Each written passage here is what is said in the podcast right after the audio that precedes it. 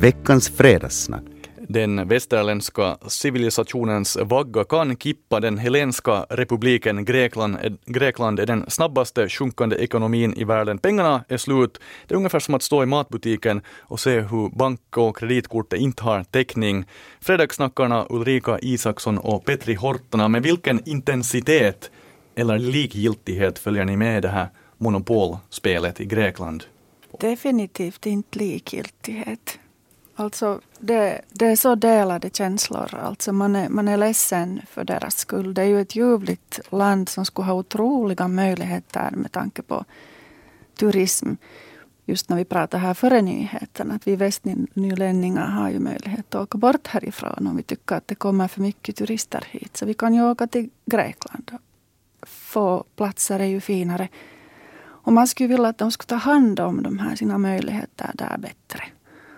Och jag vet inte.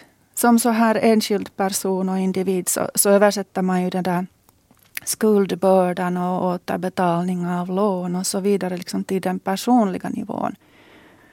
Och jag, jag har ju svårt att tänka mig att man skulle kunna resonera överhuvudtaget sådär.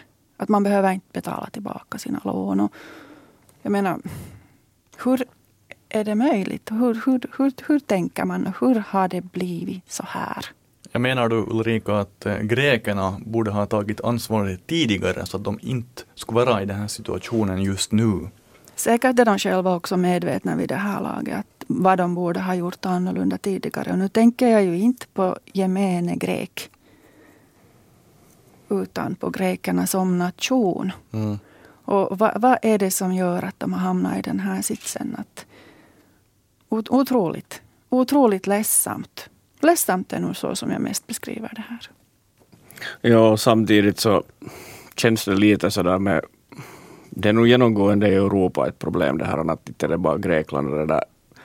Där tycker jag nog lite att det är så att sommarbäddar får man ligga. Att det där, nu är det mycket med det här sån här finansspekulering, flytta pengar hit och dit och inte egentligen göra något klokt med det utan det är bara så här pengar för pengar och, och, och girighet från början som har ställt till med det här. Okej, okay, visserligen så också det här att, att eh, all produktion har flyttats bort från, nu, nu talar så här stora drag och överdriver lite, men att flytta bort från Europa och man har flyttat till, det till billigare länder för att få, få mera tavara snabbare och billigare och det där. Och där, där får nog liksom hela Europa egentligen tycker se sig själv i spegeln att, att nu, är det, nu är det vi själva som har mer eller mindre ställt till med det här. Och, och det känns lite som, vad heter det, romarrikets fall eller, eller vilka andra helst sådana här stora kulturers och, och det där ekonom, politiska och ekonomiska sådana här stormakters liksom nedgång. Att på något sätt så ser jag att tyvärr att Europas och USAs tid börjar vara på slutrakan. Så att visserligen så kommer vi att finnas här och, och det, det är så lång bakgrund i allt det här att vi äger mycket och så, men att eh, allting går ner någon gång. Det var en dystopisk eh, livssyn. Du sa att Europa och USA går ner. Vem tar över då? Är det Kina och Putinland? Nej, inte vet jag, inte går det bra för Ryssland heller. Att det, där, det, det är nog, vad heter det, det är de länderna dit som produktionen har flyttats och, och de, jag menar, om man redan ser på, på naturtillgångarna så det är ju kineserna och indierna som roffar åt sig i Afrika och, och de äger, äger gruvor runt omkring hela världen och kan spe, spekulera med, med priser på allting och det där Ja, det, jag, tror att det jag tror att det är liksom deras tid nu. Som är, som är, det har varit på gång redan länge men att i, i större mån liksom stiger det, stiger det, vad heter det, åt det hållet. Mm. Mm. Vilken dystergök, alltså inte skulle jag bara... dystergök Petri Holtonen här det i studion. Det är verklighet, verkligheten är dyster. Ja, inte skulle jag, jag nu riktigt vara beredd ännu att begrava Europa. Jag menar Irland, Spanien, och de här länderna, jag menar, de, det, det, var, det var trubbel och mm, Island och jag menar, det har varit trubbel och de har rest sig mm. och, och, så här och tillsammans. Tillsammans har vi gjort det och det liksom och, och Grekland var ju på god väg. Mm. Men den här arma demokratin Aha, du skyller på demokratin, att det inte löser sig. Ja, men hur kom det sig då att en sån här kille kom till makten? Alexis Tsipras. No, jag tänker ju kanske på honom, ja. Premiärministern. Mm. Nu är jag inte alls någon expert på det här måste jag säga. Men, men så här från min lilla synvinkel här så, så känns det liksom lite som så kanske att, att de var på god väg. Mm, I mina ögon så kanske det känns lite som att den är på gummibandet. Att det där, Mm. Tänjer på gummibandet, vad Mm. menar du med det? att det, går, det går, en viss tid så går det att dra ut på det men sen, sen så töjer det mera. Så antingen så släpper man i ena änden eller så brister det. Jag kommer aldrig att se på ett gummiband på samma sätt som nu. Men på, på söndag or- ordnas folkomröstning. Man skriver nej om man inte går med på lånegivarnas krav och ja om man gör det. Är det bra eller dåligt att eh, det grekiska folket får säga sitt nu? Här är ju verkligen demokrati. Folkomröstning. Ja, jag är ju tydligen emot demokrati Ja, nu. du, Ulrika Isaksson stöder diktatur i Raseborg. Ja, och hela världen. Nej, nej, men jag vet inte. Alltså demokrati kan faktiskt ibland få lite tokiga proportioner. Men att jag, nej. Riktigt så häftigt är det ju inte heller att jag är emot demokrati. Nej. Men, men i vissa fall kan det bli lite tokigt nog. Ja. Men hur skulle du Petri vilja att det skulle bli, liksom lösa sig nu det här med Grekland? No, det är ju jättesvårt att det där, inte vet jag om grekerna själv heller, jag menar om du och jag skulle vara greker så, Mm. så hur mycket skulle vi veta egentligen att vad innebär ett ja eller ett nej-svar? Ja, Det finns ju precis. två alternativ, ena är att hålla, hållas kvar och, och dra åt bältet och, och det där, betala snällt. Och andra är att liksom systemet faller ihop och, och man får sen bygga upp från noll eller långt under noll. Det värsta är väl att de som satt på de flesta euron, så, så de har redan insett det här för länge sedan. Och de har plockat med sig sina euron och försvunnit från landet. De som gagnades av den period då när, när, när det var möjligt. Och nu så är det ju så är det gemene- tyvärr alltid. Mm. Mm. Nu är det gemene man, pensionärer, ungdomar, studerande och arbetslösa som, som, som får lida. Det, det, det, det är liksom ju nu att välja mellan kolera och pest här. Väl. Så är det ju ofta tyvärr genomgående att när det går dåligt så, så de som har så drar bort sitt och sen, sen när det är riktigt dåligt så har de fortfarande sitt och kan köpa av de som redan har det dåligt för billigt pris Mm. och sen när det går bra igen så säljer de vidare och liksom det, det här är en evig sån där rundgång som så här har, har ekonomin fungerat alltid och det kommer alltid att göra så, Mm. tyvärr. Jag funderar varför kan inte Grekland börja sälja ut av sina fina öar där? Jag menar, de skulle kunna dela ut dem nu då till de här europeiska länderna eller någonting sånt här. Jag menar alla skulder som de har till Finland, att vi skulle kunna välja där om vi nu tar Timo Soini skulle få en egen holme. Nej, Jag tror nog redan att det finns ganska mycket holmar där som är privatägda av sådana som är både från EU och utanför EU. Ja. Att det där, jag misstänker att där bor rika, no, jag vet Mm. inte, är det fullt att säga rika kineser och rika ryssar, men, men det där, helt säkert så finns det mycket sådana öar som, som det står lyxkryssare fast i bryggarna. Och det där, de är inte Grekland mera. Fy på dig. Det här låter nästan som den västnyländska skärgården här med alla lyxkryssare och, och fin natur. Lite deppig blir jag nog trots att det är fredag. Ni är så dystopiska. Också du Ulrika, du var lite positiv här i början men nu är det liksom, pratar du om pest och kolera. Jag smittar av mig här. Ja, vi tar en liten paus, lyssnar på Lisa Ekdahl, sen fortsätter fredagssnack och då från en kris till en annan kris.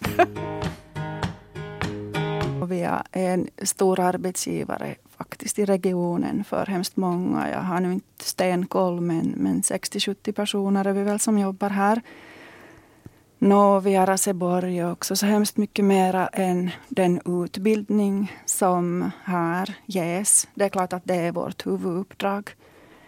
Men det är inte alls det enda. Vi har ju till exempel här hela Novias ekonomiförvaltning är ju placerad i, i Raseborg. Och vi har forsknings och utvecklingsinstitutet Aronia i Raseborg som sysselsätter riktigt många människor.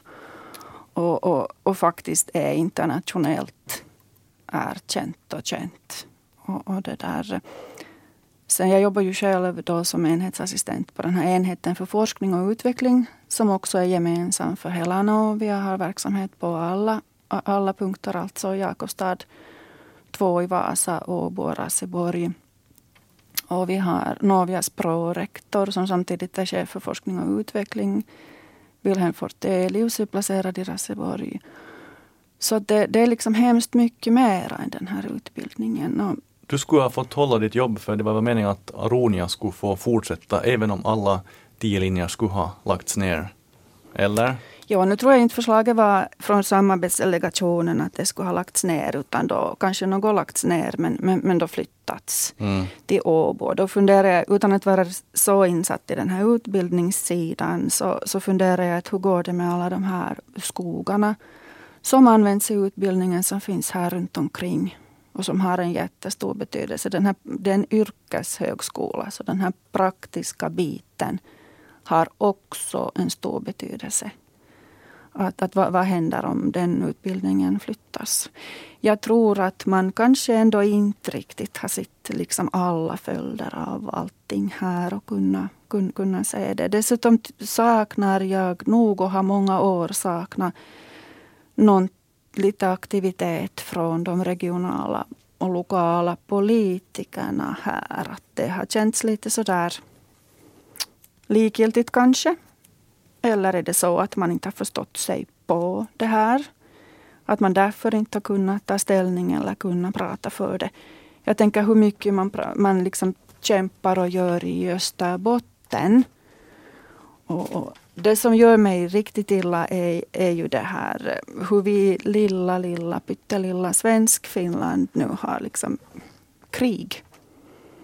Och, och, och strider mellan strider mellan Österbotten och södra Finland. Och nu också då tycks det ju vara lite, lite så här fnurror på tråden mellan Åbo och Raseborg.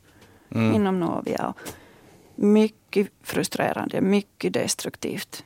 Vi är så få och vi borde faktiskt kämpa. Och så undrar jag att är vi liksom så få att vi borde på riktigt ha endast en svensk yrkeshögskola i Finland? Oj, Uh, hur ser du Petri Hortana, du jobbar på Västernylands folkhögskola som också har varit och är hotat. Hur ser du på det här Novia-pusslet?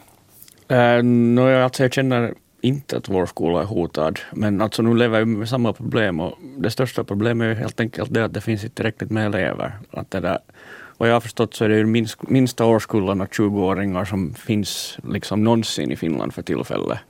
Och det, där, det är klart, då blir det ett problem. Det räcker inte elever åt alla skolor. Och det där, an, eh, mm, ett, ett, en annan stor del av det här problemet är det att det där, det då i början av 2000-talet så, så ploppade det upp över Finland yrkeshögskolor och andra skolor här och där. Att det, där, an, eh, det var sådana uppsving på det då. Och det, där, det är väl kanske efterdyningar av det som nu kommer mot när elevantalet går neråt. Och det där. Jag vet själv som lärare att, det där, att jag får också liksom så aktivt delta i den här rekryteringsprocessen. Att det räcker inte att jag är bara lärare utan jag får också ta del av den biten. Att, det där, att aktivt jobba med att få faktiskt elever till, till min linje och på det sättet trygga mitt eget jobb. Och det där. Men, men ja, eh, vi är jättefå eh, finlandssvenskar och det där det, det, det, ställer till med problem att om det finns många, många svenskspråkiga yrkeshögskolor så, så, så blir det väl kanske, mm. det kan bli till och med inom liksom samma, samma koncern så att säga kan det bli krig mm. om man säger det stort. Det här låter faktiskt uh, dystopiskt här. Igen. Igen, ja. Eh, det var, jag måste säga att det var givande, lite dyster men nog ett givande fredagssnack. Tusen tack till Ulrika Isaksson och till Petri Hortana. Hey, men vi måste nu göra ett försök, vi kan inte avsluta en sändning med, speciellt när det är på fredag, med ordet krig, som Petri Hortana sa. Så ni har nu, Fredagssnackarna, ungefär en halv minut tid att pigga upp min stämning. Det är uppgift.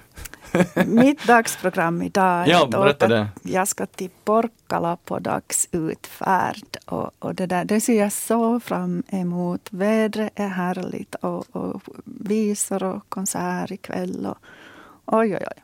Okej okay, Petri, du har tio sekunder kvar. Okej, okay, jag tänker nu när jag går ut från studion här så tänker jag få på en uh, morgonmålspizza nere vid havet och ta en glass till efterrätt. Och jag tror att det är perfekt start på det här veckoslutet och alla andra där ute i solskenet kan göra lika. Där hör ni, hej, trevligt veckoslut alla, vi hörs igen på måndag.